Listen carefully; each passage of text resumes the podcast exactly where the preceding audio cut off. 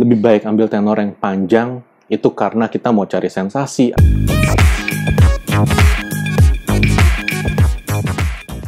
Halo Sobat KPR, kali ini kita akan bahas tentang betulkah ngambil tenor pendek atau jangka waktu pendek KPR itu lebih menguntungkan? Ini langsung akan saya jawab di awal. Secara simpel, tidak benar. Kenapa? Karena saya akan menyampaikan paparannya sebentar lagi. Tapi yang pasti, teman-teman mesti tahu bahwa alasan bikin video yang menjelaskan bahwa benar nggak sih ambil tenor pendek itu lebih untung dan kita bilang enggak untung. Kita bilang lebih baik ambil tenor yang panjang itu karena kita mau cari sensasi atau kita anti mainstream ya enggak ya enggak kayak begitu ya ini lebih jauhnya karena ini berangkat dari pengalaman saya dan teman-teman di KPR Academy yang melihat banyak hal terkait dengan KPR itu sendiri. Pengalaman yang terkumpul selama ini ada kesan yang terlalu menyederhanakan segala sesuatu sering kali menyesatkan orang. Inilah kenapa kita di KPR Academy konsisten memberikan sharing-sharing pengetahuan yang mendalam terkait dengan KPR supaya teman-teman enggak salah langkah. Karena di luar sana memang banyak sekali informasi terkait dengan KPR. Tapi masalahnya adalah, kalau teman-teman nggak punya basic tentang KPR, apakah teman-teman tahu bahwa informasi yang disampaikan di luar sana itu benar atau baik? Nah, teman-teman kan yang mesti timbang-timbang sendiri lagi. Nah, teman-teman silakan compare juga, bandingkan saja apa yang di-sharingkan di KPR Academy dengan apa yang di-sharingkan di luar sana, mana yang lebih baik buat teman-teman. Tapi yang pasti, semua konten yang kami sampaikan, kami bertujuan baik, dan ini berangkat dari pengalaman terkait dengan KPR. Bukan dari pengalaman cuma satu orang, dua orang, tapi ini karena dari pengalaman saya yang mengelola begitu banyak customer, kita bisa melihat banyak sekali masalah yang mungkin timbul selama ini terkait dengan KPR. Dan masalah ini, jujur, jarang sekali diangkat. Karena memang masalah-masalah ini bukanlah hal yang menyenangkan untuk dibahas. Yang jelas adalah pakai KPR itu bukan seperti rumus matematika. Kalau pakai KPR itu kayak rumus matematika, ya itu mah gampang, semua orang bisa gitu. Dan bisa ngambil oh ya udah ambil aja seperti ini. Tapi coba tanya nih dari teman-teman sekalian yang mungkin saja nih selama 2 tahun pandemi kemarin ngalamin kondisi-kondisi yang tidak enak. Contoh, baru ambil KPR dan habis ngotot nih sama banknya. Banknya ngasih persetujuan kamu hanya bisa jangka waktu 15 tahun. Tapi dia ngotot, saya nggak mau 15 tahun. Kalau 15 tahun itu bayar bunganya kebanyakan. Saya mau cuma 10 tahun. Dia nyobain lagi ke bank lain. Sama, dikasihnya juga 15 tahun. Ada yang lebih baik 13 tahun gitu. Tapi nggak mau, nggak ada yang mau ngasih ke 10 tahun. Tapi dia tetap ngotot di 10 tahun. Nah, akhirnya ketemu satu bank yang bisa, oke, okay, kamu mau 10 tahun, ya udah, oke, okay. deal, sepakat, akad, jalanin mulai ngangsur. Berapa bulan kemudian, masuk masa pandemi. Dan oh oh, aduh, sakit banget kalau ternyata dia ada di industri yang terkena dampak pandemi. Dia nyeselnya setengah mati. Tahu kayak begini, nggak maksain untuk ngambil 10 tahun. Tahu saya bakal kena pemotongan gaji, ya saya nggak akan segila itu untuk tetap ngotot saya mampu kok bayar 10 tahun. Saya mampu, mampu, mampu. Ah, padahal pihak bank, nggak cuma satu ya, beberapa bank udah ngomong, udah baiknya 15 tahun. Terus nggak lama ngalamin pemotongan gaji. Saya nggak ngerti mesti ngomong apa sama dia. Kenapa? Karena pakai KPR itu bukan matematika.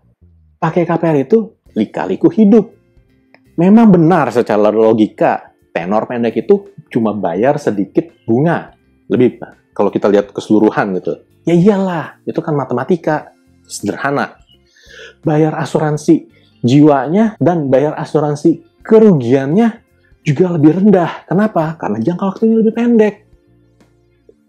Tapi apakah benar itu sebanding dengan apa yang akan teman-teman rasakan di saat mulai membayar angsuran? Bisa jadi beda ya. Kenapa?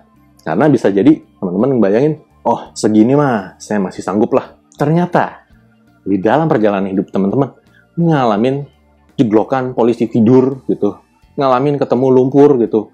Jadi perjalanannya naik turun naik turun nggak jelas gitu Apakah hidup jadi nyaman? Bisa jadi enggak ya. Apakah teman-teman juga bisa memperkirakan masalah harga gas atau harga minyak naik? Enggak ada yang bisa kan? Nah, karena itu saya pribadi selalu menyarankan bahwa jangan terlalu maksain ambil tenor pendek. Karena yang judulnya tenor pendek itu susah untuk dipanjangin. Udah ngambil 10 tahun nih, ya susah gitu. Mau dipanjangin jadi 15 tahun ya susah. Itu cuma bisa kalau dilakukan restrukturisasi pinjaman. Yang mana itu ada analisa ulang dan proses yang cukup panjang. Dan itu tergantung kebijakan banknya mau ngasih atau enggak kalau dia nggak mau ngasih ya teman-teman yang gigit jari beda cerita kalau teman-teman ambil di depan nih tenornya yang panjang mau dipendekin ya bisa gampang begitu teman-teman ada siap dana gitu, teman-teman lunasin dipercepat sebagian nih, itu bisa minta jangka waktunya pendekin ya gitu.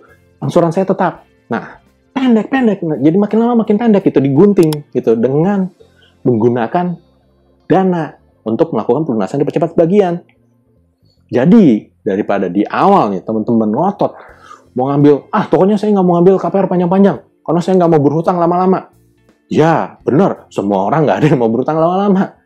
Tapi masalahnya, kamu tahu nggak ada apa di bulan depan, dua bulan ke depan, tahun depan? Kalau nggak terlalu tahu, baiknya lakukan perencanaan keuangan yang sangat konservatif, yaitu tetap maintain dana darurat dan hal-hal lainnya. Karena satu bocoran yang sering kejadian banget di saat mau akad KPR karena dalam banyak kasus terjadi pada saat lagi di appraise nih sama pihak bank, oh ternyata nilai propertinya sekian. Contoh, teman-teman udah deal nih sama pihak penjual. Ya udah, rumahnya saya beli satu miliar ya. Deal, sepakat. Tanda jadi keluar, bayar. Begitu di appraise sama bank, ternyata menurut pihak bank, wah kalau untuk properti ini nilainya nggak satu miliar, tapi ini hanya 900 juta. Nah, dengan kondisi seperti itu, teman-teman kan otomatis perlu nambah 100 juta buat bisa melunasi transaksi. Nah, biasanya datang dari mana? Nah, dalam banyak kasus, dana darurat yang sering dikorbanin. Ya udah deh dibuka deh, seret celengannya. Yang penting ini lunas kita bisa tangkep rumahnya, KPR-nya juga dapat. KPR-nya udah ideal. Nggak apa-apa lah, nggak ada dana darurat sementara. Ya kita berdoa supaya kita dijagain sama Tuhan gitu ya. Oke, okay, berdoa it's a good thing gitu. Dan beriman itu juga penting sekali. Tapi yang pasti, kalau teman-teman termasuk dari salah satu yang melakukan srep, dibocorin nih dana daruratnya, ayo, kalau teman-teman ngambilnya jangka waktunya pendek, bisa cepat nggak tuh keisi lagi dana darurat dibandingkan dengan teman-teman yang ngambil jangka waktunya lebih panjang yang bayar angsurannya lebih santai, lebih slow, lebih nggak mencekik. Kalau teman-teman maksain buat tenor pendek dan daruratnya berantakan, itu di refillnya juga pelan, teman-teman mesti bayangin seberapa besarnya resiko yang teman-teman tanggung selama periode refill dana darurat tersebut. Oke? Okay?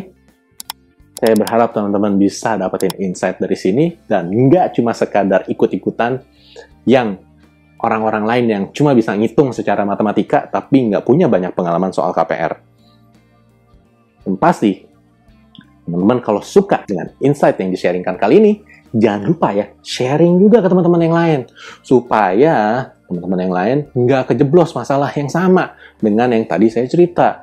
Kan kasihan banget ya kalau kejeblos masalah seperti itu. Baik Pak, nanti kita akan sharing. Bagus, saya suka sekali. Tapi Pak, mau tanya dong, yang tadi akhir ceritanya kayak gimana? Mohon maaf, tapi saya jujur, saya juga nggak tahu akhir ceritanya seperti apa. Tapi yang saya tahu adalah dia melakukan pengajuan restruktur, dan pengajuan restrukturnya itu disetujui oleh pihak bank. Tapi yang pasti, kalau udah ngajuin restruktur kan, udah bertanda, udah ada tanda restrukturnya, dan menjadi lebih lama dalam melunasi pinjaman yang seharusnya kalau dia ambil jangka waktu yang lebih panjang, dia nggak perlu ngajuin restruktur. Kan sayang sekali seperti itu. Oke, sampai di sini dulu untuk pembahasan kali ini. Sampai jumpa di episode berikutnya. Bye!